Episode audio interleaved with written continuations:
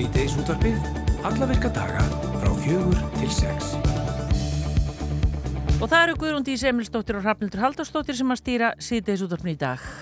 Í dag fór hópur pípulagingameistara til Grindavíkur til þess að skoða hús með til, til skemda og lögnum og, og til að lagfæra það sem til þarf og uh, í verður komist. Og Böðvaringi Guðbjörnsson er formaðið félags pípulagingameistara og við ætlum að ringja í hann hérna á eftir. Á 25 ára ammælisrástefnu samtaka ferðarþjónustunar þá helt Tryggvi Freyr Elínason frá Datera erindi sem hafði yfirskriftina munu tæknifyrirtæki taka við yfir ferðarþjónustubransan en ferðarbransin eins og margir aðrir ge geirar stendur fram með fyrir gríðarlega hraðri tækni þróun með tilkomu nýrar gerfigreindar og við viljum að fá Tryggva Freyr til okkur á eftir til að fara yfir þær áskorunir sem ferðarþjónustubransin stendur fram með fyrir og spyrja hann úti hvað fyrirtækin þurfa að gera til að held heldast ekki úr lestinni. Úti komin bókin Hagfræði daglegs lífs í stuttumáli og bókin er svo þriðja í rítröð í félagsvísundum sem að háskóla útgáðan gefur út en áður hafa komið út bækurnar kynþáttafordómar í stuttumáli og áfangastadir í stuttumáli. Og það er Gilvi Sóeka, professor í Hagfræði við Háskóla Íslands sem að skrifa Hagfræði daglegs lífs og í bókinni þá skýrir hann hvernig nota má aðferðir Hagfræðinar til að taka alls konar ákvarðanir um rástofun tíma mellir sveps og vöku. Og við ætlum að fræðast betur um bókina á eftir þegar að Gilvi kemur til okkar. Það er til dæmis hagfræðikuna að við skulum setja henni hérna í dag, núna. Já. Það er hagfræðilega ákvörðun. Ákvörðunum að verja tímanum í það og fá væntalega þá greitt laun fyrir það. Einmitt, já, já. já. Já, er þetta snúað þessu af alls konar vegu? Einmitt. Og eins og alltaf á 50 dögum þá förum við í með með vikunar og það er allir Fannar Bjarkarsson sem kemur með einhverja snildina. Og við rákum augunni í fæsla á Facebook í gær þar sem að Kristján Berg, oft kallaði fiskikongurinn, var að auglýsa eftir grindvikingum í vinnu og við ætlum að slá á þráðan til Kristjáns og eftirs. En eins og kunnugt er þá eru fórsetahjónin í ofinberi heimsókn í Reykjavík í dag og einn viðkomustadurinn er Skalli Árbæ og samkvæmt okkar heimildum þá getur fórsetahjónin sér á ís hjá henni Guðlaugur Steingristóttur eða Gullu í Skalla sem að er svo heppilega á línu. Kontur sæl og blessuð? Já, komið blessaðar. Er þetta rétt hjá okkur? Fengu þau sér ís? Já, já, þau fengu sér ís og fannst það mjög góður og hann sagði fórsetin að hann kæmi stökkum sinni þegar hann væri á, á leikum hjá fylki eða stattur í árbænum hann kæma stundu við hjá okkur. Ég vissi nú ekki eins og af því sjálf. Nei, einmitt, en gerðu þið eitthvað í tilöfni dagsins, Gulla, eða höfðu þetta bara nákvæmlega eins og all, alla daga í skalla?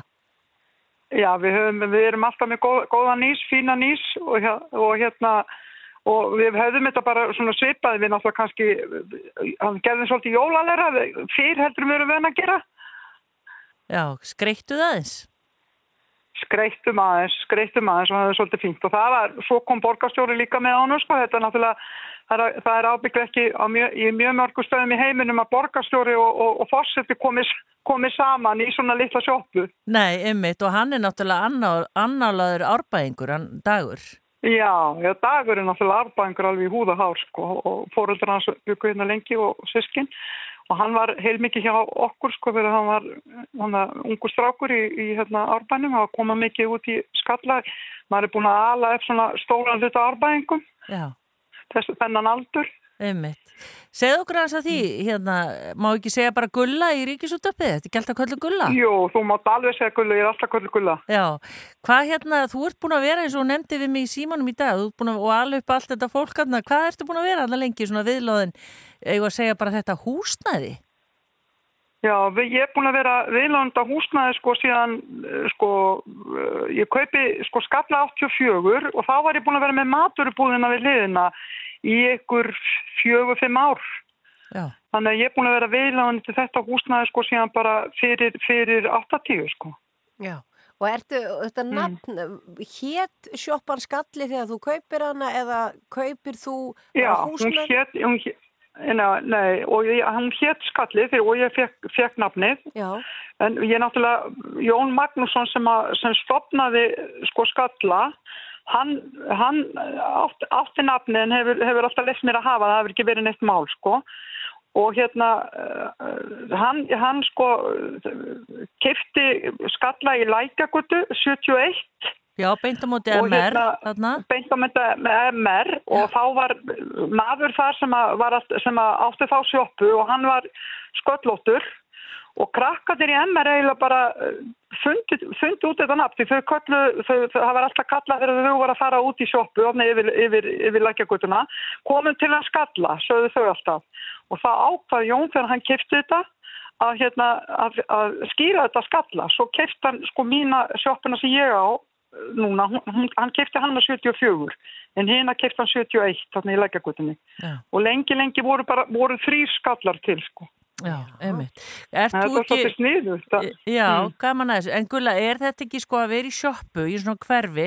Er maður þá ekki alveg mm. með puttan á púlsunum?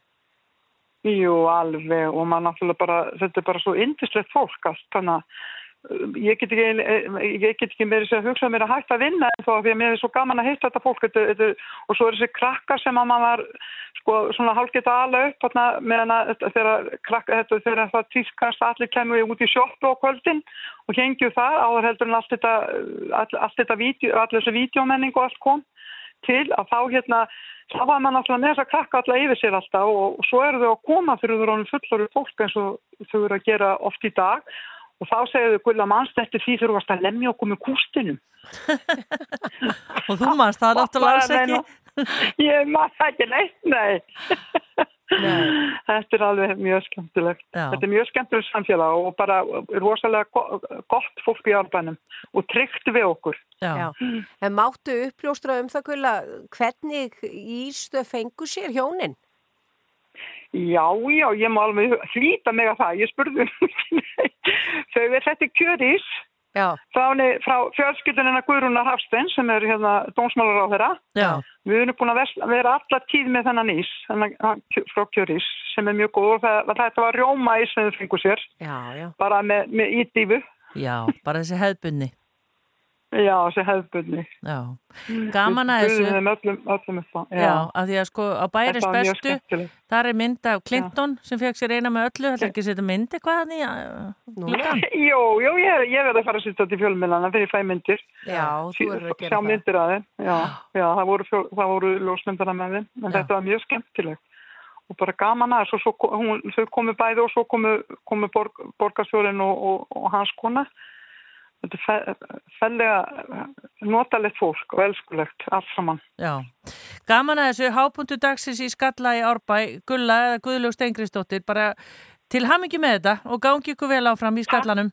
Já, takk hjá og segir hafnist að koma við, hún segist búa þarna í, í Árbænum. Já, ég á eftir að koma í Skalla, ég kem bráðum. Já, hún já, kemur bráðum. Já, ok. Takk fyrir þetta. Bless, bless. Ok, bless, bless. Bless, bless. Þá þurftu nú að ljóstra þessu upp, sko. Ég, hérna, saði henni í dag að ég væri hann í nágrunnu. Og ert ekki búin að fara hann? Nei, ég er ekki, hérna. Nei, mér sé að ég, utan að landi og ég fer í skalla. Já. Þetta er, þetta er æðisli sjoppa. Eða ekki? Jú, svo, ég var að vinna lengi í sjoppu uh, út á bara fyrir austan og þá, mér finnst heimilislegt að fara ennþá í sjoppur. Það er geggja. Já, það er eitthvað krútlitið það. Skulum uh, heyra í áskeri Trösta hérna næsta ásand Sinfoni í Ljóðast Íslands. Þetta er heimförinn.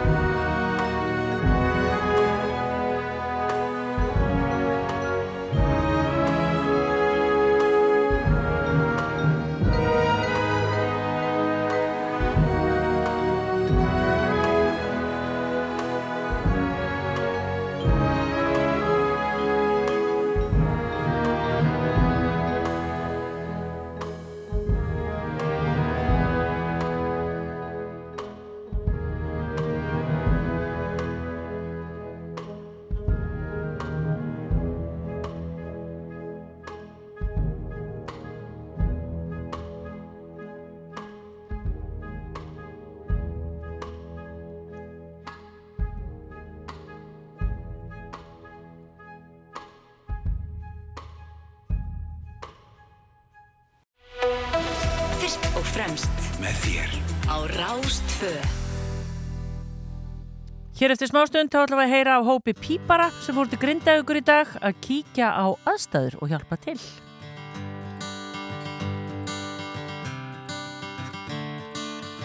Another turning point, a fork stuck in the road Time grabs you by the wrist, directs you where to go. So make the best of this test and don't ask why. It's not a question, but a lesson learned in time. It's something unpredictable, but in the end is right. I hope you had the time of your life.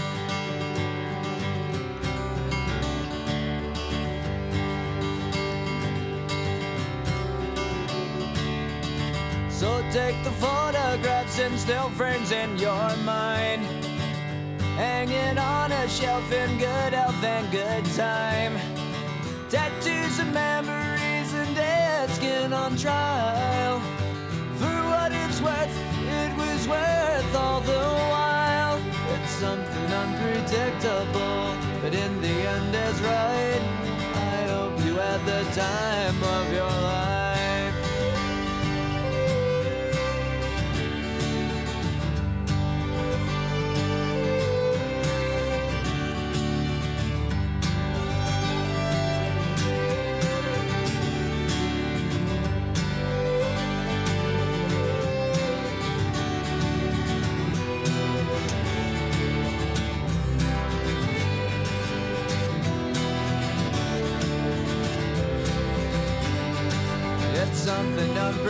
unpredictable, but in the end it's right. I hope you had the time of your life.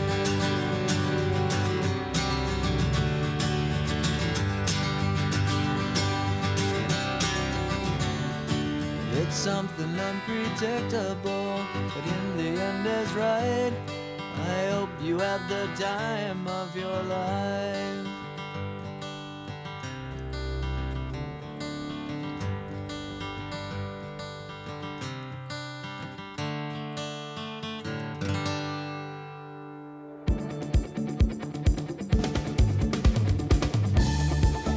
Í dag fór hópur pípulagningameistara og væntalega pípulagningamanna til Grindavíkur til að skoða hús með tilliti til skemta á lögnum og til að lagfæra kannski það sem til þarf og íverður komist. Og við erum konið í samband við Böður Inga Guðbjörnsson, hann er formaður félags pípulagningameistara. Kontur sælablasaður?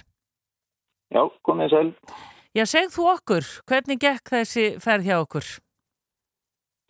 Gekk vonum framar og ég vil bara byrja því að segja að dagurinn síndi fyrst og fremst hvað við sem þjóður erum rík að eiga vel yðvenda fólk til að halda samfélögu gangandi. Og ég er alveg svakalega stoltur af félögum mínum sem svöru kallin í okkur upp í félagi píplangumista og þetta náttúrulega var við svona óvisa að fara inn á þetta svæði en ég er búin að vera í sambandi við hérna líkilmenn á svæðinu og það er allir bara uh, í skíunum yfir bara hvað gekk vel og, og það má ég segja það að grinda ekki núna bara að nú eru flestu húsi grindaði grinda komið með hitta og, og hérna, já, þannig að það er, það, það náðist að bjarga því. Já, en hvað var það aðalega sem að hérna hefur þá farið úr skorðum? Sko, náttúrulega það sem hérna, það búið að eiga sér stað vinna núna í sviðslunum tverrvíkur, það sem við vorum kallar að borðinu, það sé almannavarnir hafið sambandið samtöku innarins og sen var hatt sambandið okkur upp í félagi píplanleika að reyna að Það er svona að vera til tags eh, og, og það var að vera að vinna út frá nokkur sviðsmyndum.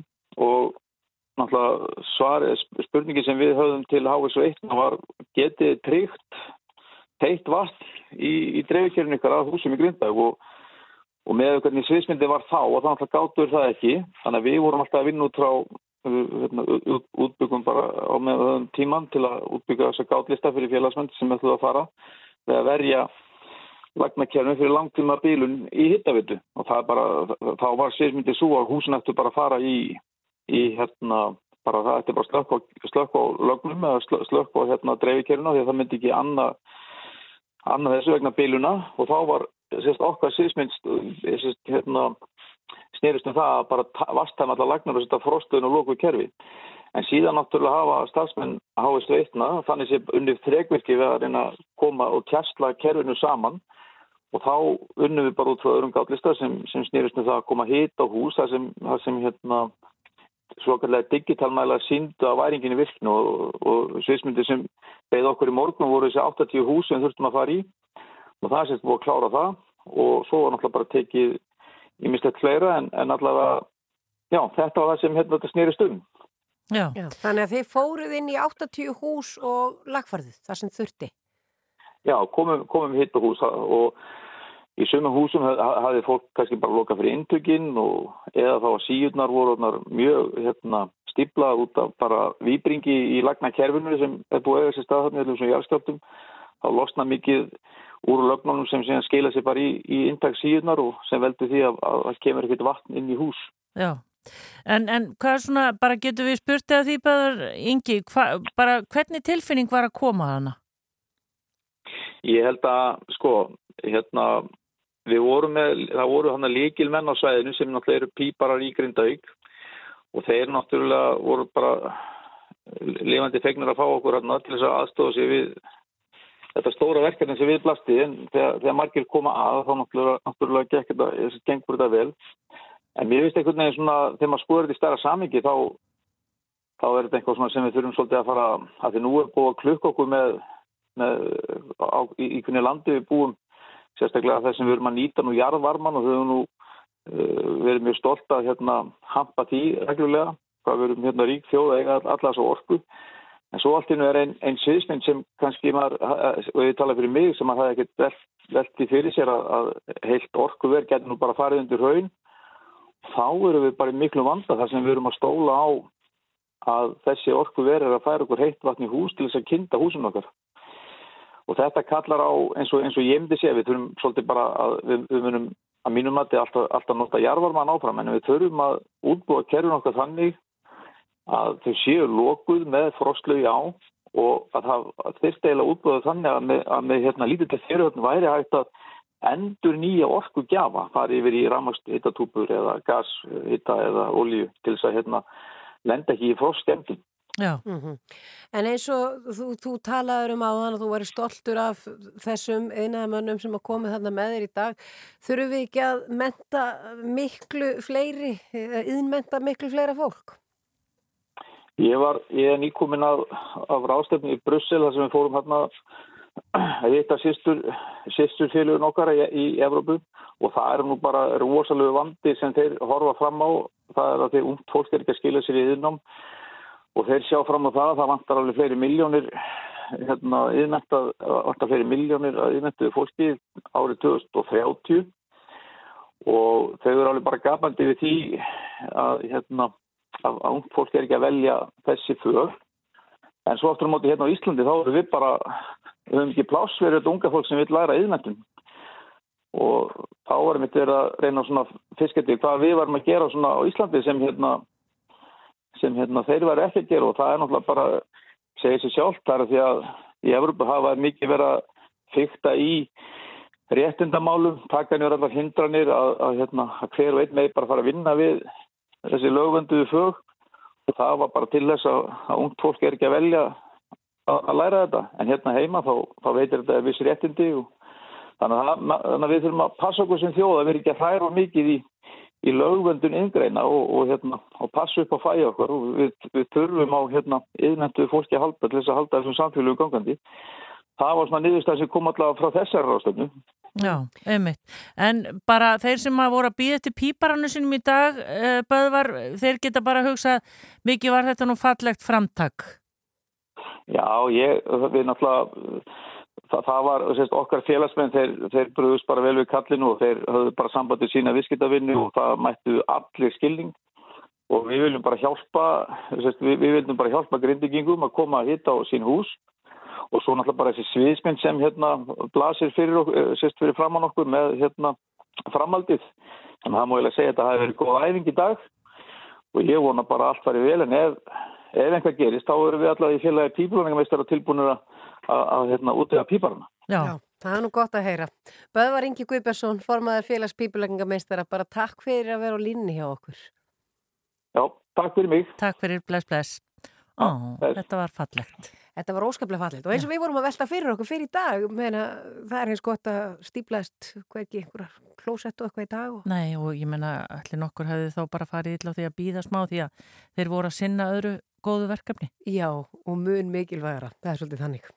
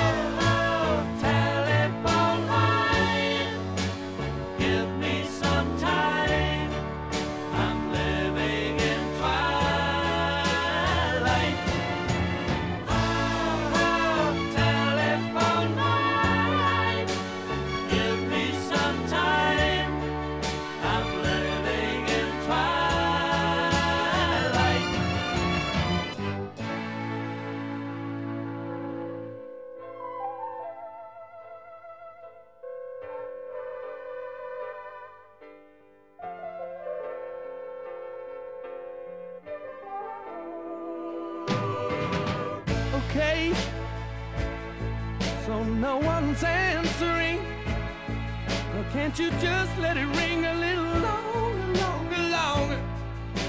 Oh, I'll just sit tight through shadows of the night. Let it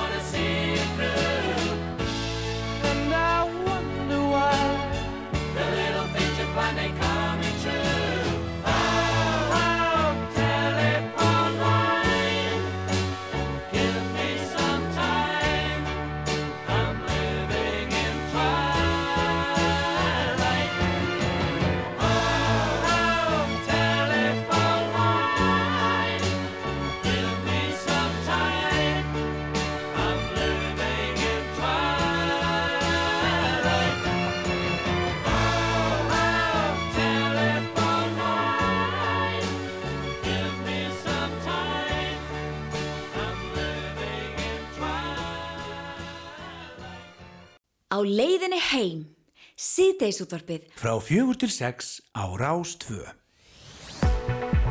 veðurhorfur næsta sólaringin. Já, ég rafnandi, við þurfum aðeins að renna yfir uh, veðrið. Það var skítaföður, sögðu við bara upp átt í gær. Svo vaknaði maður í morgun og glimrandi fallegt veður. Já, nú er nefnilega bara svo þessi smá snjóföl á byrtir.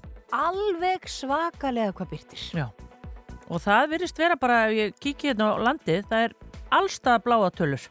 Og þannig að það er bara, og meira þess að það er, það er bara kaldara, mjög kalt fyrir eh, inn á auðvitað með landinu hérna og það er kalt á, á hérna uh, ströndum og svona, það er alveg upp í 4-5 gráður mínus þar og fyrir austan, mjög kalt fyrir austan. Já, fimmsti að frosta eins og eigilstöðum. Já, ummitt og það er búist við norðvestan kvassviðrið að stormi austast í kvöld, það verið hæg breytilega áttum landi vestanvert, stöku jél norðaustanlands, annars verður viða léttskeið og frostið er 0 til 10 stig. Svo er það sögulega 8 á, á morgun, 3 til 8 á þurft en 8 til 13 vestanlands og svoldirigning eða slitta þar síðdeis og hlínar. Og uh, þetta er svona 0 til 7 stig um helgina þannig að það er svona, þú veist, þetta er kallt heitt, kallt heitt svolítið. Já, Ha.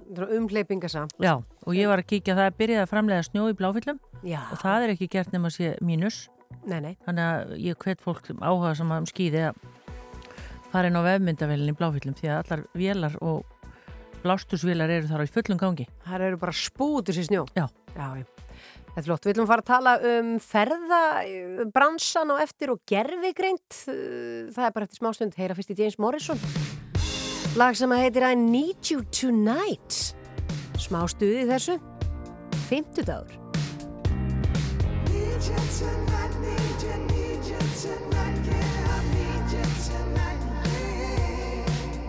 Oh, I tell myself that I can be a stronger man than I know I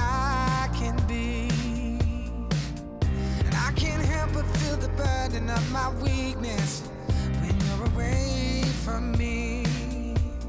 Falling down, it's easy falling down. Oh, I know I got to carry on, but it's so hard to wait so long for you. I need you tonight.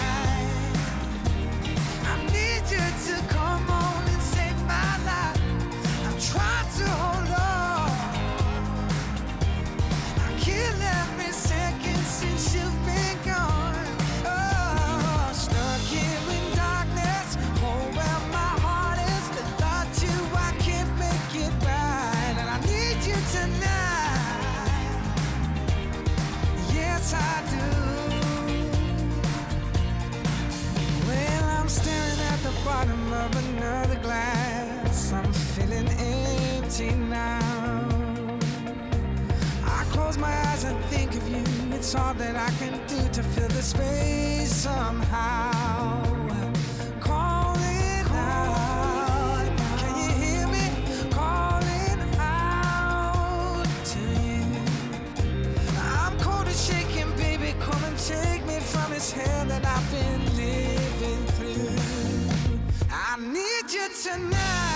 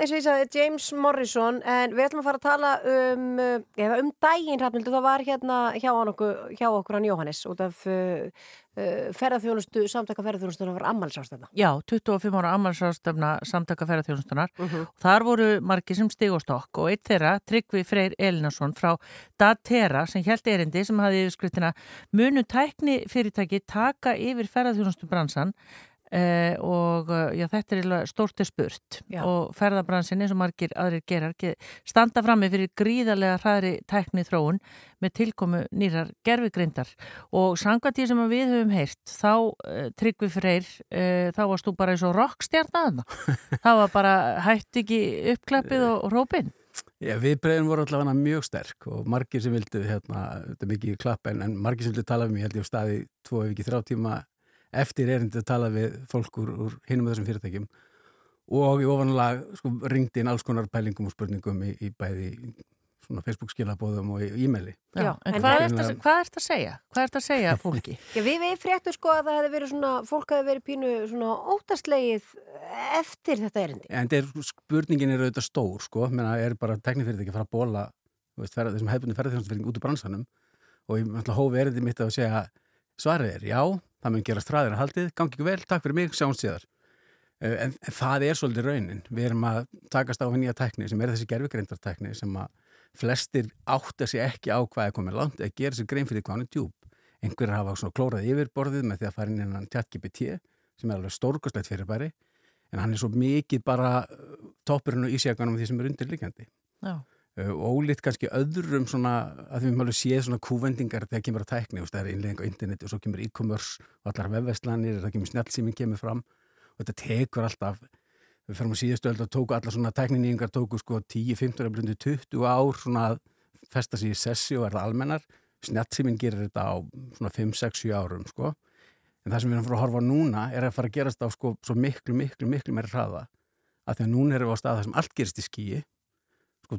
hugbúnaðurinn er í skíi, tæknin er í skíi ég þarf ekki að sækja neitt, ég þarf ekki að kaupa neitt búna, ég þarf ekki að fá mér nýja tölvi, ég þarf ekki neitt raunfélag heldur en bara það sem ég með nú þegar fyrir fram að mig. Og aðgengi af einhverjum kerfin sem er risastór, miklu fullkomnar heldur en nokkurt kerfi sem nokkur tíma séð, opið öllum. Já. En ert að tala líka bara um mannöðin? Já, sko það sem að gott þú spurður, einu svona spurning sem ég fæ hvað oftast til minn er að mitt, hvað þýðir þetta fyrir, veist, erum við bara að fara að segja fullt af fólki, eða, veist, eðlilegt fólks í uggandi einhver leiti já ég, ég sé fyrir mér þessu þjónustu verum það mun gjör breytast hvernig við nálgumst það og það mun fækka fólki þar en sko í flestum öðrum held ég ekki endir, ég held þetta sé miklu frekar sko Það er ekki gerfigrind sem mun taka starfið þitt. Einstaklingur sem kann að nota gerfigrind og skilur gerfigrind, hann mun taka starfið þitt ef þú fer ekki í endurmentun og það strax. Og það er svolítið það sem stöndum frammi fyrir að fólk í þessum störfum þar sem að þessi tegunda gerfigrind mun hvað mest áhrif. Hér þurfum við að setjast nýra og svo, ok, hvað þýðir þetta fyrir verkefnin mín? Hvaða verkefni gerfugrindin fara að taka af mér eða leysa af holmi? Þannig að hvernig verður þessi fletta ég pluss gerfugrind? Það er kannski svolítið svona tækni áskorun sem fyrirtingin standa frammi fyrir. Og þegar þú talar um eh, ferðaþjónustu bransa þá ertu náttúrulega væntalega að tala líka bara um alla sem að þjónusta ferðaþjónustu bransan. Já, já þetta, þetta nær heilt í öðru, þetta nær þetta miklu meira heldur en, heldur en bara innan ferðarþjónustu bransans.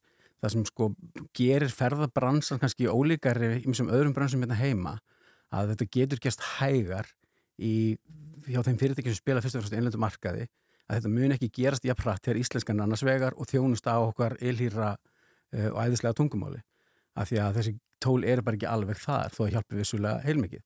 En ferðarþjónustubransin sem að er fyrst og fremst að kera á erlendu ferðamönnum sem flestir hverjir tala ensku uh, þá er bara þetta að skipta út talandi íslendingum fyrir gerfugreind 1, 2, 3 og hann getur lesið í allan text og allar upplýsingar og við tökum þjónustuverð sem dæmi nú er bara komið gerfugreind sem getur lesið hver allar þjónustubeðnir frá A til Ö flokkaðir, sorturaðir, greintaðir og komið með tilvæði hvernig það bregðast við þeim. Man getur senda á viðandi aðlina fyrirtækis eða búið skjala. Nei, þetta fyrir hingað af því að hér snýrtum að taka ákvörðan hvort að þessi endurgreiðslið ekki og þá er bara þessi tveir aðlið sem hafa það ákvörðan vald. Eða hér er þetta einfjöld fyrirspurning, ég veit svara þannig ég get svara einu þegar, ég þarf ekki einu svona mannskýtt þess að hjálpa mér eða ég er ekki alveg vist þannig ég ætla að spurja eitthvað hérna í þjónustuveri sko. Já, þannig að fyrir ekki bara meiri segja leiðsögumenn, getur þeir Já, einhverju leiti, sko. Og ef við tölum í svona, fyrst, hvert tekninu komin hvað er hægt, ég gæti raunverulega í dag, samið við segjum Ólaf Darra, með geggjaði rödd, fæ inn í stúdjó, tekur upp röddinn hans, klóna síðan röddinn hans og við erum bara með samkóla um það ég með klóna röddinn hans. Og svo bara skrifa ég text á einsku sem að hljómar eins og hann sé að flytja textan uh, og ég get bara verið með app í eiranum sem keirir öllu leiti á gerfigrind sem veit hvar ég er að labba og svo bara hlustu ég Ólaf Darra að segja "Já, ef þú horfir hérna til hægri þá er þetta, hérna, þetta hús eða þessi kirkja með þessa sögu, allt fyrir aðtölu Mm. allt upp úr einhvern grunni, allt kyrt á gerfigrind Já, mér dættur í hug sko það er ekkit langt síðan eða þú veist það er kannski langt síðan að við vorum sko þurftum að fara á ferðarskristofu við vorum að kaupa flug eða fara í ferðarlega þá voru ykkur ferðarskristofu, skiplaði ferðina og er náttúrulega ennþá þannig til. Jú, jú. í dag gerir maður alltaf meira og meira sjálfur. Þarna er náttúrulega bara nú þegar gríðarleg þróun Já, þetta er, einmitt, þetta er einn af þessum svona öngum sem við teljum að muni breytast hvað hraðast af því að út af því hvernig þessi tækni fungerar og er í eðlisinu, þá þýðir þetta í framlíninu muni það á svo mikil áhrif á hvernig við notum tæknina og hvernig við sem neytendur bara högum okkur í kaupferlum. Uh, og við vitum alltaf bara þeir sem muni hlaupa hraðast sem eru þessi stóru erlendu aðilar hvort sem að það er Expedia eða hotels.com, booking.com þeir munu fjárfæst í að búa til svakalega flink snjallmenni ofan á sína tækni og sín gagnagrun og sína sögu, öll þeirra samskipti þeirra áttu kunna sem gera það verkum að þeir verða komin með eitthvað svona virtual travel assistant eins og við getum kallað á ennsku sem veitir mér bara framúskarni þjónustu, veit allt um allt sem er inn í kerfinu þeirra, veit allt um Ísland af því sem hann hefur aðgengi á, á internetinu. Og það verður auðvitað erfitt fyrir Íslands fyrirtæki að keppa við þetta en það er eins og er hægt. Ef að menn setjast nú rætt niður og skilgreina og hvað þýðir þetta fyrir okkur? Uh, hvaða tækni getum við innleitt rætt, hvernig þurfum við að þjálfa stafsfólk og hvernig við ætlum að búa til þess að fléttu af, sko, af þessum mennska? Því við skulum ekki, sko, má ekki gleyma því að kreativitíð er svo ég sletti inherently human. Og gerfigreindin gerir ekki og, skapar ekki með söma hugmynduauðgi og við gerum. Þannig við munum alltaf þurfa þennan mannlega þátt líka. Spurningin er bara hvernig fléttum hún saman við gerfugreindan og hvernig sko, verður fyrir ekki ennþá sterkara með góðri fléttu af, af mannlega þættunum ásamt því að hámarka því að hvernig menn nýta gerfugreind í skilvirkni og í svörun og Þannig að við þurfum í rauninni, eins og þú segir, þá fólk þarf þá að læra á gerfugrindina til þess að geta gefið henni alls konar skipanir þannig að, eins og þú segir, fólk þarf að endurmenta sig. Já, það sem meira er sko að því hún sjálfur í alls konar tilrænverkunum bara innhás hjá okkur að finna út hvar getum við notað þetta og hvernig ég mér að spurja gerfugreindina hvernig hún getur hjálpað mér. Já, ég myndi eftir það í hug sko endurmentun í dag eru bara ekkit allir sem kunni það hvar, hvar bara fólk á að byrja? Ég meina það er ekki þetta að fara í einhvern skóla ég ætla að læra Nei. hérna.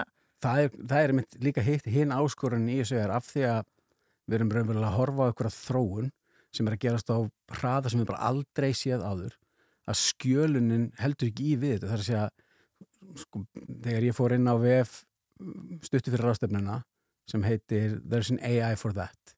Það er bókstælega vegur sem heldur úti svona kategoræst lista yfir allar þessar ger, mismöndi þjóndra gerfugrindum þar inni voru 9640 og það er sko mókast þarna inn alla daga fleiri tegundar gerfugrind þannig að já, það er mjög flókið sko. Já. en þess vegna held ég þetta sé líka svolítið að setjast niður og spurja fyrst sjálfan sig sko hvaða þættir munu mögulega hafa áhrif. Ef maður er ekki vist, þá getur maður bókstala farið inn í chat-GPT sem er frýr og spurt hann hvað er líklegast að þú getur stíð inn í verkefni ef þú útlistar verkefni í fyrirtekinu svo getur maður þá tekið það og farið og skoðað vefsíður eins og verður svona AI for that skoða hvað er í bóði inn í hvaða kategórium. Og svo getur maður átt þetta samtal við sko chat-GPT og sagt, herri, ég spái ef ég myndi taka svona teknin veist, hvernig væri það, veist, að því allt einu komið sko bókstælega spjallfjala Já. sem getur spjalla fram og tilbaka Ég get svo svarið að Tryggvi Freyr, ég er Ég er ekki hissa að þú har orðið rockstjarnan og, og hérna, Já. við getum haft hann inn í klukkutíma. En hérna, en ertu bjart síðan á að ef við vöndum okkur að þetta muni bara allt saman einhvern veginn bara, já við verum bara dálítið fremst í heimi þannig á Íslandi Um. til dæmis? Eiginlega ekki. Nei, af því að sko það er auðvitað sem maður vonar og það er, það er alveg ástæð fyrir því að fara út með pínu svona harðan hræðslu áraður að því að ef sagan hefur kent mér eitthvað sérstaklega ákveðin gerum, eins og til dæmis ferðarþjónustu gerunum þá er það að við höfum verið frekar sein að aðla okkur að nýri tekni Ok. og ég meiri sér eins og ég bara nefndi á þessari ráðstöfni að svona, ég eiginlega veit ekki alveg hvar við værum stödd í netsölu í ferðarbransunum ekki væri fyrir fyrirtæki eins og bókun sem að byggu til svona plug-in lausn fyrir alla þegar menn voru hvorki með teknilega innviðin í getu til þess að gera þetta í þessum minni fyrirtæki. Við komumst ekki lengra með þetta, við verðum að leipa hérna að uh, auglýsingum og fréttum Tryggvi Freyr Elinarsson, þróunarstjóri hjá Datera. Við munum fá þig aftur til þess að spjalla betur um þetta við okkur og já, ég er hún rætt líka. Ég laka til. Já, takk fyrir komuna. Þú ert að hlusta á síðdeis útvarpið Á Rástvö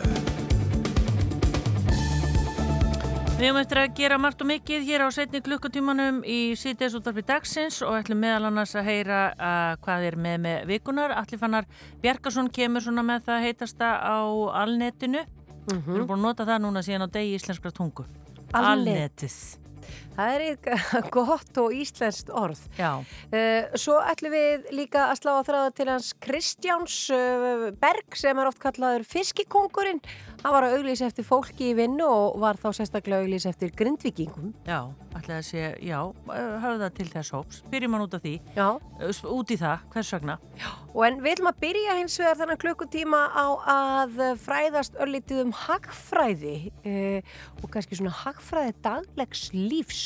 Í stuttumáli, ég hef aldrei vitað að vera hægt að tala um hagfræði í stuttumáli en Gilva Sóga hefur tekist það því bókin er nú svona með í minni og þinri sem maður hefur séð eh, en hún inniheldur væntalega mjög mikla hérna vitnesku um hagfræði daglegs lífs í stuttumáli. Já, og við ætlum að tala við hann bara hérna eftir smá stund en fyrst er það uh, okkar nýjasta stór stjarnar, er hún Laufey og uh, Beba Doobie, lag sem að heitir A Night to Remember.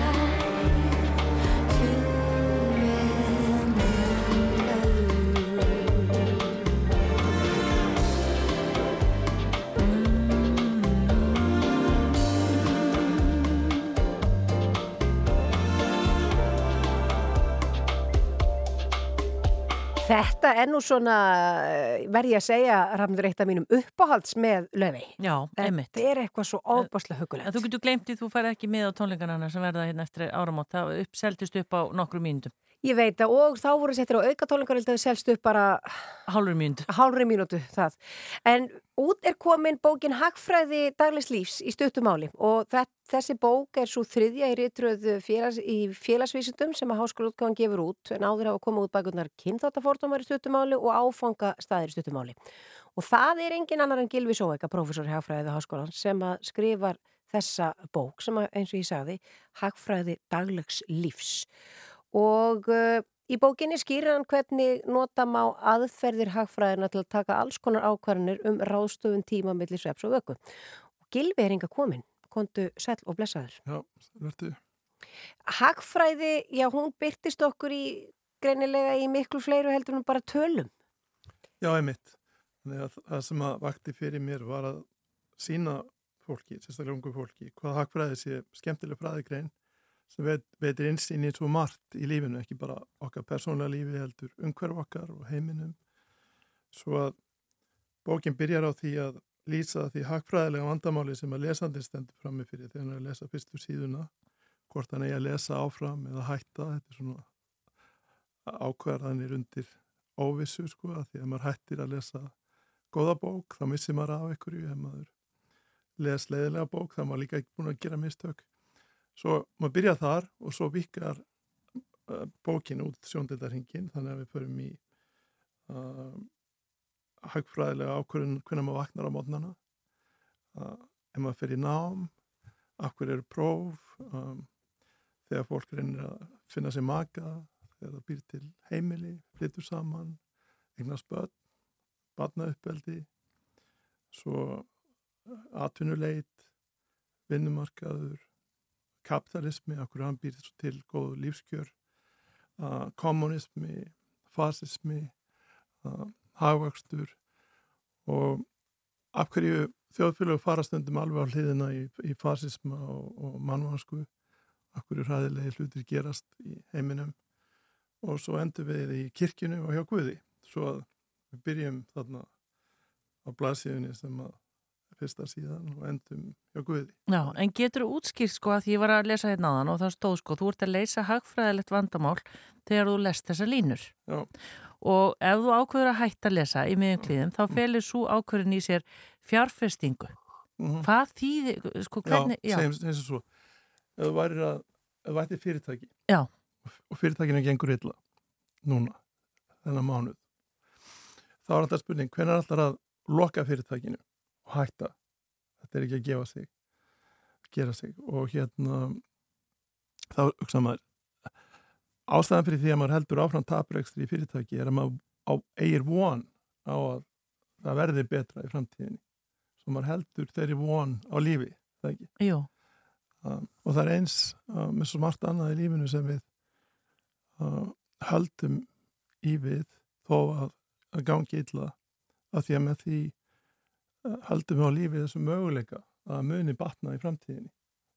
Það, það er hræðilegt veður en við vitum að það kemur gott veður einhver tíman svo þetta er ekki allt tapað. Um, En, en en, en, þarna í bókinni sko, þá ertu að hugsa um þegar maður byrjar að lesa fyrstu síðan og segja, líst ekki á þetta sko, þá sem ámaður virkilega að taka að þetta er eins og taprekstur í fyrirtæki ef að fyrsta síðan er leiðinleg. En ámaður að halda áfram uh, til þess að halda þeirri von á lífi að þetta verði nú betra síðar sko um, eða ámaður að slökka á henni síðar. þannig að ef þú byrjar að lesa svona bók já, þá þarf hún að vera verulega leiðileg til svo hættir? Og ég tek áhættu með því að hætta að einhverju Já, hafa. þá getur verið að missa af einhverju. Alveg eins og svo sem lokar fyrirtæki, hann missir þá að möguleikunum að það muni batna í framtíðinni. En eins og þú segir Gilvi, þú byrjar þarna bara alveg í grunninum á bara núinu sem er það. Þú ert að lesa þessa línur akkurat núna, Mm. þú veist, ætlar að halda áfram, Mm. taka þá að þetta verja tíma þínum í það, tími Já. peningar og allt þetta. Og, Já, já, já.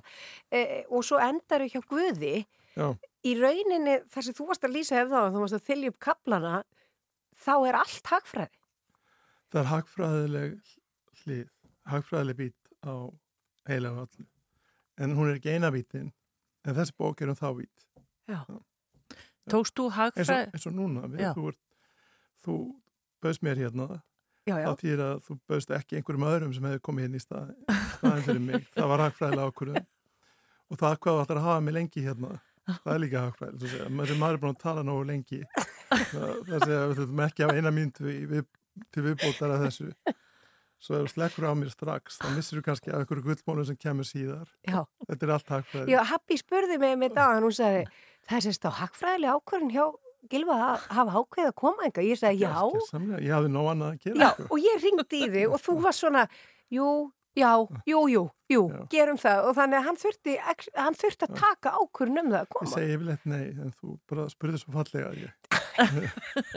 En Gilvi, sko, af því að maður sjálfur einhvern veginn ekki e, svona einhvern veginn bara talna glöggur og svona, eru við alltaf fljóta einhvern veginn að bara segja að ég skil þetta ekki og ég hef ekki áhuga á svo svona, í staðin fyrir að við mynda að hugsa þetta svolítið með þessum, svona á þennan hátt. Já, já sko meiningin er svo að, að, breyta því hvernig við um, sjáum hagfræði fyrir okkur sem grein.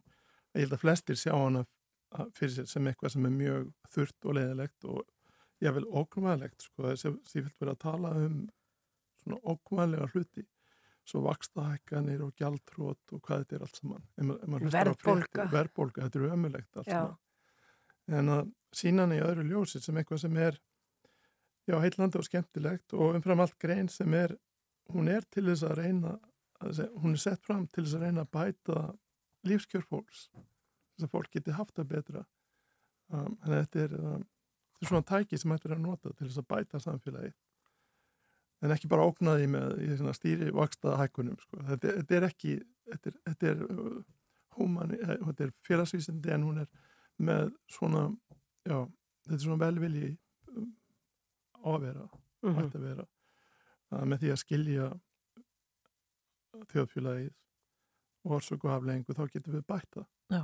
En er þetta sko, græði ég á því sem einstaklingur til dæmis að lesa þessa bók, hjálpar það mér að taka betri ákvarðanir af því að ég er með hagfræðina svolítið svona að leiðaljósi. Já, það er ímis mistök sem að fólk gerir í lífinu sem að ef þú læsir bókina myndir þú allavega að lesa um þessi mistök og getur kannski forðast þau. Já, eins og hver, bara getur Svo nefnt til dæmis sem maður um, já, nokkuð mistök. Um, ein mistökin er svo að fólk leitar eh, sko, sko þetta þetta er svona samblanda hagfræði og sálfræði. Fólk leitar sí, sífælt að staðfestingu á því að það hafa rétt að standa. Svo eða ert í þessum stjórnmáluflokki þá býrðu þau til ákveðna mynd af heiminum og segir, já þetta er nú maður sem hættir að lusta og hinn er villisingur og svona. Og svo, svo koma fréttinnar og þá tólkar þær í ljósi þessarar sögur sem verð með í huganum sem réttlætir þá skoðun sem hún hefur fyrirfram. Og þetta er mjög hættulegt sko í, í pólitík er það mjög hættulegt þegar fólk hugsar ekki og hlustar ekki á aðrar skoðanir, önnur sjónamið heldur en sífælt að leita að staðfestingu á uh, fordómum. Fordómanu getur verið einmiskonar það er hérna uh, innflytjendur þú veist, eitthvað um þá gott eða slæmt og svo, svo magnast pólarnir ekki, og rifrildið á milli fólks og, og, og engin yfirstaða fæst þannig að það er eitt að hafa sögu í huganum eins og við höfum allt sögu sko. en það séu svo sterkar að við hlustum ekki á fólk með önnu sjónum það er eitthvað sem er í manninum en, en getur valdið miklum skada eins og við sjáum Já. Mhm. en svo er annu mistök sem hann gerir er, er vantarlega að hérna að þegar maður tapar sko einhverju eins og maður fær, ef ég, svo núna ég hefði til þess að komast hingað klunga 5 ég ætla ekki að segja hvað ég þurfti að gera í umferðinni. En, en var, ég breytti engin lög. En, en ef maður fær stöðum að segt þá fer það í töðunar á manni. Já, Já, já. að séu mjög smáur uppaðir að maður á ekki að láta stöðum að segt eða ekki að daginn fyrir sér. Það er, en það gerir það hjá sumum sko. Um, þeir sem eru í stjórnmálum þeir eru mjög erfitt með að viðkenna að hafa haft á raungastanda uh, og þeir vilja ekki að gera viðkenna mistök og þá takar oft meir og meiri áhættu og líka stjórnendur fyrirtækja meir og meiri áhættu til þess að koma í veg fyrir tap eins og bankarnir gerði hérna 2006 Já. í stæðan við bara að segja er. Viðurkenna bara. Þá, þá tókur alltaf meira og meira áhættu til þess að forða sér frá tapin. Hefur svo áhættu saknir þeir stóðu fram með fyrir tapi. Og í pólitíkinni, hérna, stríð í Úkræðinu, þessi hana, stjórn Rúslands, gerði mistök. En hún viðurkennið það ekki. Heldur hún sífælt að taka meira og meira áhættu. Svo það er engin endir. Þessi stjórnmálamenn og stjórnendur fyrirtækja eiga þetta til að auk, taka alltaf auka áhættusæknina til þess að koma í veg fyrir að þau þurfa að viðkjanna tap eða haft, hafa haft á, Eða mistök. Já. Já. En það sem er en þessi bók hún er full af svona en, en, en svo, en það sem að ég myndi að segja upp á skaplið minn þannig að hann er um akkur hræðilegi hlutir gerast í, í lífinu, það er það er slæmi hlutir, kaplið 26 Já. og og punkturinn þar er sá að að maður getur sagt um heiminn eins og núna það eru styrjaldir og hörmungar í heiminum að þetta sé svona svipað eins og á skólalóð þar sem einhver krakki verður fyrir einelti. Það er einhver gerandi og svo er einhver sem að horfa á og finnst þetta vera mjög skemmtilegt að horfa á þetta. Svo er það sem horfa á og finnst ekkit um en svo er hínir sem horfa á og segja þetta er ekki rétt. En ger ekki neitt. Og það er þessi áhugaverðasti hópur. Það er fólk sem að í sínu enga lífi í, í, hérna, í þjóðfélaginu að sér að það er eitthvað sem er ekki í lagi en segir ekki neitt. Og það er hættulegast af fólki þetta getur verið embættismenn í háanstöðum og af hverju gera þetta af hverju eru embættismenn í háanstöðum oft ekki alltaf en oft að svona passífir að segja ekki þó að þeir viti nákvæmlega að eitthvað ljótt eða rámt sé að gerast? Og akkur er þjóðfélag þannig að sem að tala um rúsa, þú veist, 100 miljónir þetta, þetta er bara fólk eins og við. En það er eitthvað gert í nafnið þeirra. Og þannig hafa ríki í gegnum söguna gert eitthvað í nafni þjóða. Og akkurju gerist þetta? Og það tengist fasismannum sko að líta þjóð sem eina einingu við hérna við þarna, þetta, þetta er svona fasísk hugsun. Íslendinga láta ekki bjóða sér þetta. Hvað þýðir það? Við erum bara mismöndi fólk. En, en það tengist í líka að, að fólk hugsa um sína hagsmunni svo að segja á ég að mótmæla eða á ég ekki að mótmæla? Ef ég mótmæli þá, kem, þá, þá verður óþægilegt fyrir mig. Svo er best að segja ekki neitt. Þetta er svo krakkarnir í skólastofunni sem engi þórir að rétt upp hendi vegna þess að ég vil ekki viðkjanna ég vekk skil ekki efnið. Svo engi réttur upp hand og þannig þjóðfélagi sem og skólastofa sem engi þórir að segja neitt af því að það er óþægilegt fyrir hvern einstakling. Og þessi einstaklingar getur sagt nei, ég ætla ekki að gera þetta í dag ég ætla bara að býða morgun. Ég veit að þetta er ránt ég veit ég þarf að segja eitthvað en ég ætla ekki að gera þetta í dag. Svo enginn gerir neitt. Og þá, og þá gerast slæmir hlutir sérstaklega ef eins og vorum að tala um upphafi fólk er með einhverja fyrirframindaða skoðanir og hugmyndir um hvernig heimurinn virkar sem að auðvitað pólitingin getur síðan alið á þessi Mhm. stjórnmálum að gera oft búa til svona sögur að kenna einhverjum um það eru útlendingar eða, eða einhverjir sem að, að vegum að kennum um, já, þannig að já, ílskan, hún verður til í kerfum þar sem einstaklingar vita betur en ger ekki neitt. Þetta er ótrúlega áhugavert. Og ég sko ég Við, geti- ríf, við rífumst um bókina. Við rífust um bókina. Ég skal er- gefa ykkur þessa mitt eintak, þá erum við tvær hérna. Við hefum þetta að rífast um þessa bók og það sem að líka mér langast að segja við hlustendur að því að það er að opna svo, augum mín er að opna svo mikið að þessi bók, hún er í stuttu máli, hún er örstutt, hún er lítil, það er þetta að hafa hana í bara litlu kvemmarsverki. Þannig að þetta er mjög hendut, það ættu allir að geta að lesa þetta. Já. Gilvi Sóega, Sóega, ég er svo glöð að þú skildir taka þá hagfræðilega ákvörðun að koma enga til okkar í síðdegisutbyggð. Bara þakka þið kellega fyrir Vonandi fjast ekki stöðum að sagt. Og gangið vel á liðinni heim. Já, gæði fyrir. Þú ert að hlusta á síðdeis útvarpið á Rástvö.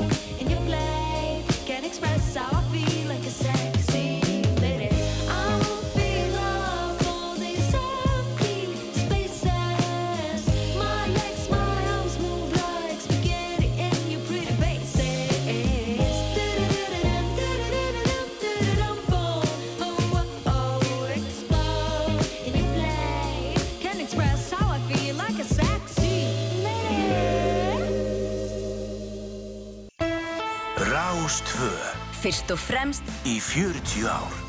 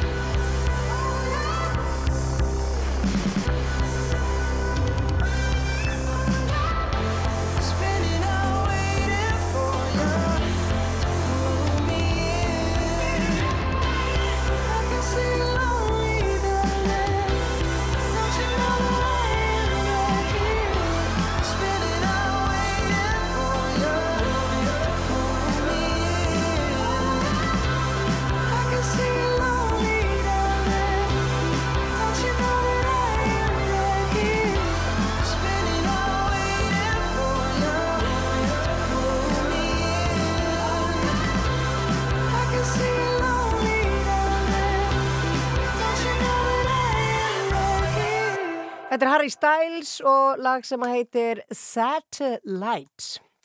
Rafnundur, við sáum á Facebook í gær. Já. Ég veit aldrei, ég... Sjáum svo margt þar. Við erum náttúrulega, þar erum við aldrei að skoða alls konar. Ég vil alltaf segja fésbókinni en, en þetta á að segja Facebook, ég veit það ekki. Já, ég, maður, bara, maður ræður því held ég. Já. Já, já. En við sáum þá allavega hann Kristján Berg, við sáum fæslu honum þar sem hann var að auðlýsa eftir grindvikingum í vinnu.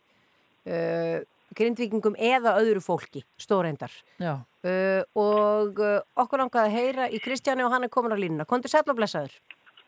Já, komið sælblessi. Já, við rákum auðin í þetta að þú varst að óska eftir, já helst, grindvikingum til starfa. Já, enda eru þeir eiginlega flest allir atvinnuleysir, myndi ég halda, þeir sem voru að vinna í grinda, það er náttúrulega enga vinna að fá þar. Nei.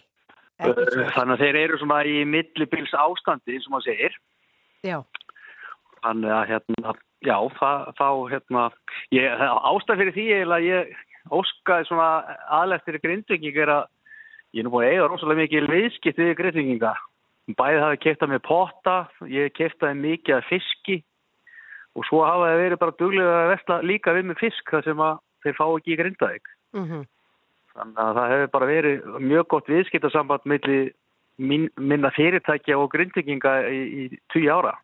Ég tók eftir því hérna að því að, þú- að, að því ég fer aðeins í auðlýsinguna þú varst til dæmis að óska eftir badýrmanni ég náttúrulega klóraði mig bara í haustnum og hef ekki hugmynd um hvað það er. Getur þú sagt með það? Batermaður er sko, það er til svona flökuna vélar að flaka fisk sem að, að merki sem heitir bater Já, sem flest allir þekkja sem að hafa umgengið fisk, svona fiskvinnslu eða flökunavél.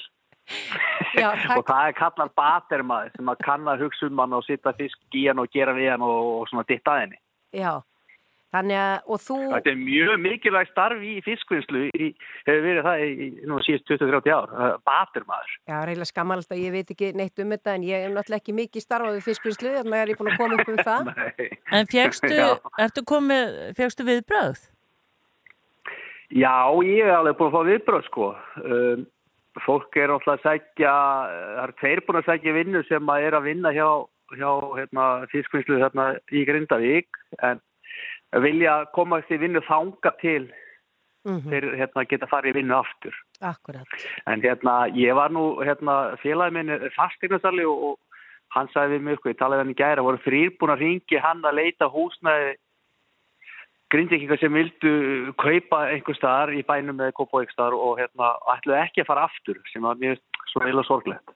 En, en svona staðar, fólk er bara hrætt og, og það kannski breytir sér eftir einhver mánuð eða ári eitthvað og fly- flytjuð þá tilbaka, vonandi. Já. Akkurat. En hvað hérna, þannig að sko, menna, er fullt af fólki, þú segir, fullt af fólki sem er búið að missa vinnuna, þetta er vantarlega, eins og ég segi, fyrst og fremst fólk sem að þurfti að vinna og, og verður að vera á staðinum að vinna, margi getur náttúrulega bara flutt skrifstofun sín eitthvað annað. Já, ég er búin að fá nokkur símtöl, ég, ég er nú ekki að tala um það ykkur tugum, en ég er búin að fá símtöl frá fólki sem er að spyrjast fyrir um þetta og, og fólk er náttúrulega bara í lausu lofti, það veit ekki hvort það er að flytja aftur að hvena, hvort það fyrir jóli, eftir jóli eða, eða þú veist, veit ekki hva, hver staðin er, þannig að þau vita náttúrulega ekki hvort þau flytja í bæinn sinn aftur, kannski fyrir áramóti, eftir áramóti og farið þá bara aftur í, í sitt launaða starf. Já, akkurat. En þú ert allavega að leita allt múlimanni, þú ert að leita batirmanni og þú ert að leita að bílstjóra til útkerslu starfa. Þannig að þetta er frekar fjölbreytt, myndi ég segja. Og þetta eru þrjústörf. Já, já, ég, ég, ég var viðtalið með klukka nýju fyrirmáli, við einn. Já, já. Það. Já, já. Spennandi. En svo er þetta náttúrulega líka annað í þessu sem að, hérna, er að það er náttúrulega gríðarlega vöndun eftir góðu fólki og ég get alveg sagt það, ég sá með svona bara leika á borði að það væri kannski eitthvað gott fólk sem að væri þessari stöðu, vildi ekki flytja aftur og vildi kannski skiptum starfsvettfang eða umhverju og, og, og að þá er fínt að láta vita því bara á já. það væri kannski möguleiki og fólk geta bara að byrja að vinna og eða líka hitt þar er betur þá bara ferða í gamla starfi aftur. Já, einmitt, þannig að þú ert kannski bara sá sem svona ítir þessu vör og kannski fylgja fleiri kjölfærið. Já, já, ég hérna, ég, ég auðlisti nú síðast eftir, eftir hérna karpan ekki konu, þá far allt vittlust en ég þórum ekki annan nema að taka fram að öllum heimild að segja um sko. Já, Já, já. einmitt. Já, já, þú, þú, Mm. rugga, þú ruggar ekki þeim bát aftur, Kristján. Nei, ég, ég geri það ekki aftur. Nei, ég geri það bara einu sinni. Gerir það bara einu sinni. Ég fekk, ég, ég á sko. Já, en Kristján, við vildum bara endilega uh, tjekka á þessu og heyra í þér hljóðið. Það er bara ánægilegt að heyra að, að það er allavega einhverju möguleikar í bóði fyrir þá sem að, sem að já, vantar atvinnu akkurat núna. Já, mér langar, reyndar, ég las hérna hérna grein, hérna, ég var að lesa bókum daginn og, og þá hérna kom svolítið skemmtilegt að hafa, sagt, sko, að ef þú hugsar hundra ára fram í tíman, þú veist, þá er ég dauður og, og þið líka og börnin ykkar og kannski barnabörnin þau eru komin í heiminn eftir hundra ár, þannig að fáið sér lifa yfir hundra ár. Mm. Þannig að ég segi sko við grindvikinga sko eftir hundra ára þá hérna þá, þá er, það er enginn til, það man enginn eftir mann ég á ekki svona mynd að langa upp á vekki á mér sko þannig að þó svo að hérna, þessi erfið tíma séu núna þá getur alveg verið bjart framöndanum að bara að lifa lífinu og gera það sem ma- maður getur kert þótt að þetta sé leiðist áfalla þá er ekki lífið búið Mm -hmm, Já, Mm. þetta eru fallið loka orð. Kristján Berg, takk fyrir að vera á línunni hjá okkur og gangið vel með þetta. Vonum að þú finnir barðirmannin og, og, og, og allt múlimannin. Já, takk fyrir Takk fyrir, bless, bless. Bless. Bless.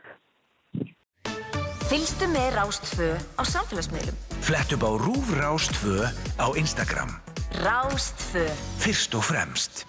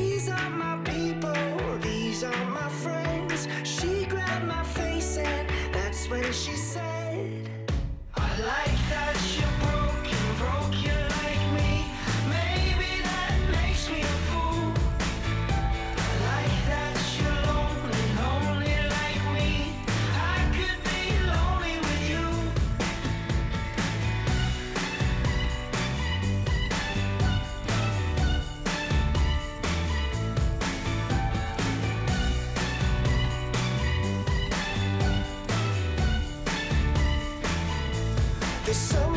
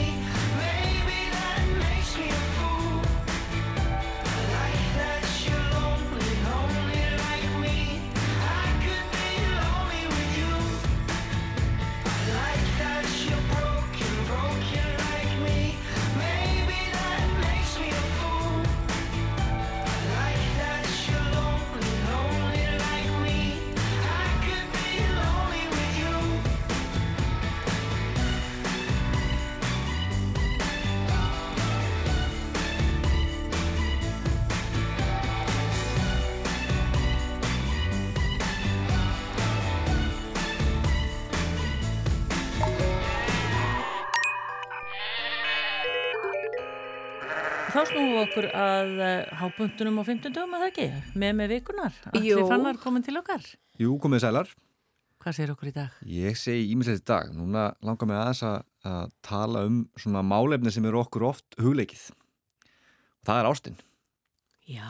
Því að þarna, sko, í þessum, þessum samfélagsmiðla heimi að þá er alltaf verið að búa til eitthvað svona efni sem að svona höðvar til okkar og einhvern veginn hvetur okkur til að dre- dreifa því áfram þannig efni virkar best ef að þú horfir á okkur og langar að sína einhverjum. Og þú gerir það vegna þess að þú tengir svo mikið við það. Og ég myndi ykkur að þið tengi við það sko þau eru kannski tvö, tengi bæði við það. Þá er alveg tvöfalt meiri kraftur í, í því. Og það er rosalega mikið og stórt dæmi sérstaklega á TikTok, við tölum mikið um TikTok hér að svona, svona sambandsgrín ég fór allt í einum daginn bara að fá rosa mikið svona sambandsgrín þá fór ég að horfa eitt og eitt og svo bara dú, dú, dú, fóru bara er, er ótrúlega mikið af þessu efni. Og þá er hérna þá erum við bara með aðganga sem eru bara með miljónir fylgjenda. Ég henni eitt til dæmis sem heitir Molly and Jordi, bara eitthvað par bandarist par með þrjár miljónir fylgjenda og með allt upp, upp undir sko 50-100 miljón áhorfa myndbönd sem eru bara svona mjög sko mjög svona einfaldir sambandsbrandarar, eitthvað sem er maður hefði ekkert haldið að væri eitthvað að- að einhver, einhver, einhver bylting en er að ná alveg ótrúlega dreifingu og svona dæmi um það er sko bara, þetta er bara eitthvað sem er bara myndband sem að var bara með gríðarlega mikið á, að fólk er svona að fara að horfa saman á mynd, þau eru svona að koma svo fyrir undir teppi og það er svona að skrifa eitthvað, "Ah, erum að fara að horfa saman á mynd. Og svo dúf, annar aðalinn komin strax í síman Þetta er ekki eitthvað sem að, þetta er engin bylting sko, en við tengjum öll við þetta eða það ekki? Jú, Jú, jú, jú, jú. Nefn ekki Að- nöfn. að að, það er búið að ná í snakkið og teppið og allt komið, komið að stað svo byrja maður og svo bara wow, herru, hérna, byrju hver á þetta aftur lítur til hliðar hérna allir síman og veit ekkert hvað er í gangi Nei. Og það skemmir aðeins. Soldið og svo Já. líka maður er kannski að horfa og svo heyrir maður byrju, byrju hvað er að gerast núna? Var, var, varst það ekki að fylgjast með það? Ertu sofnaður? Já, já, já, eitthvað svona sko einmitt, gamla svona eiginlega þegar alltaf annar aðlið sopnaði Já. En núna er svona annar aðlið komin í síman Attiklinn farin. Já, aðtiklinn alveg farin, laumast í síman maður, veist, hvað, getur ekki hort á eina mynd hérna, þetta er svona, við erum svolítið að tapa líka svolítið, hérna bara einhvern veginn hefninni til að horfa á heila bíómynd, við Já. horfum bara á þætti Mhm.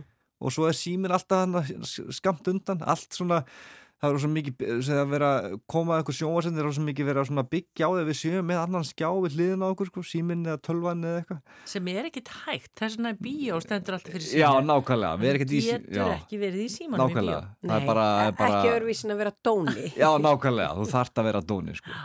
en svo er annað veist, þetta mér samt, sko, þetta er svo veistu, einmitt, ég held að sé ba- eina sem ítir svona mymband áfram í ofur dreifingu, ég er ekki að tala um einhverju þrýr hafi séð þetta, bara miljónir horfa á það sem ég var að lýsa, bara sem var mjög einföld svona lýsing á einhverju sambandi fólks. Að þetta er bara þessi tengi, tengi við þetta, margir sem tengja við þetta svo horfur á þetta, sendir á aðalann sem fyrir alltaf í síman og þetta er eins og ég, ég veit, ég veit þú veist, og þetta þannig einhvern veginn verður til þessi dreifing. Og svo hann að e, það er meira eins og hann að þú kemur heim og annar aðalann annar makiðin er búin að þrýfa og er að búast við einhverju svona sérstökum viðbröðum við því. Og þá sínt svona tvent sko hann að viðbröðin sem að býst við sem er bara eitthvað, wow, varst að þrýfa alveg bara, verður bara fagnaðalæti og bara faðumlög og fagna því litt mikið með þessu.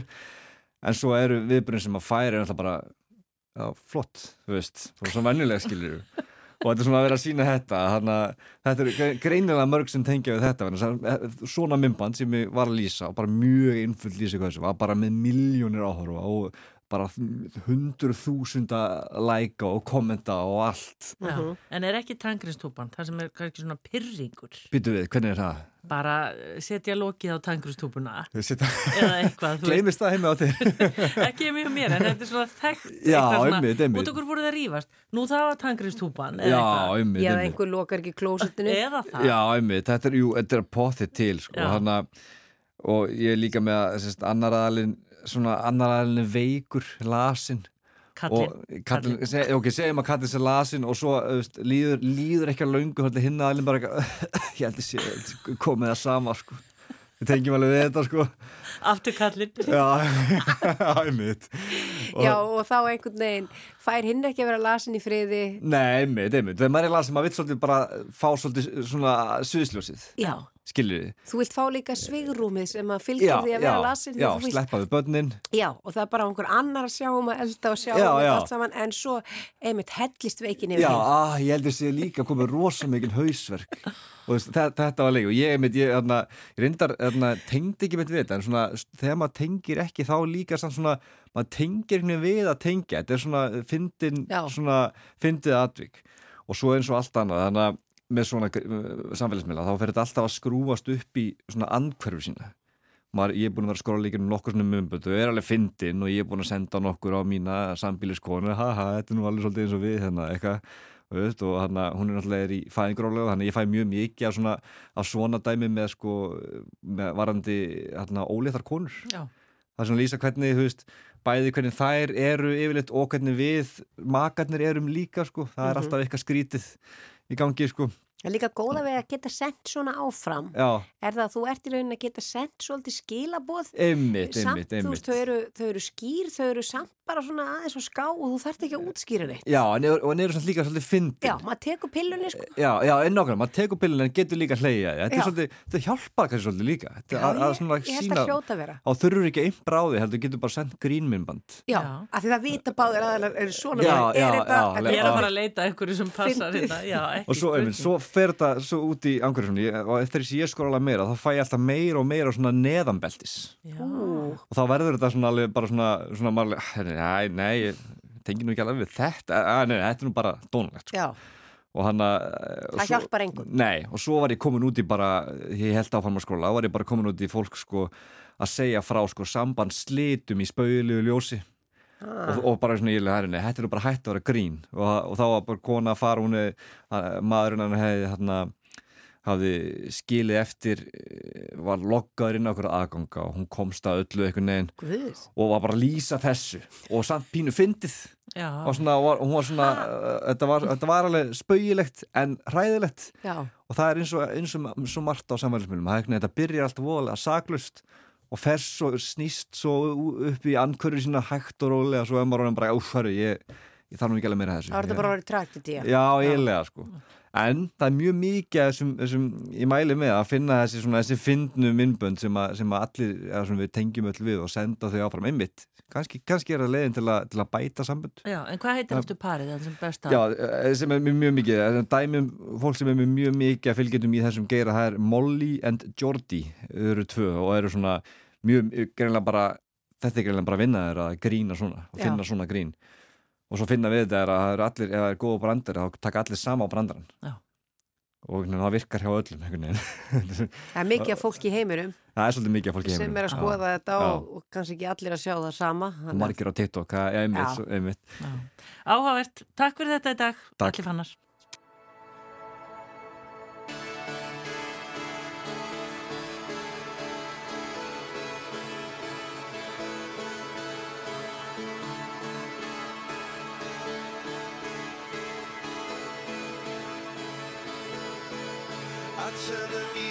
music up, I got my records on. I shut the world outside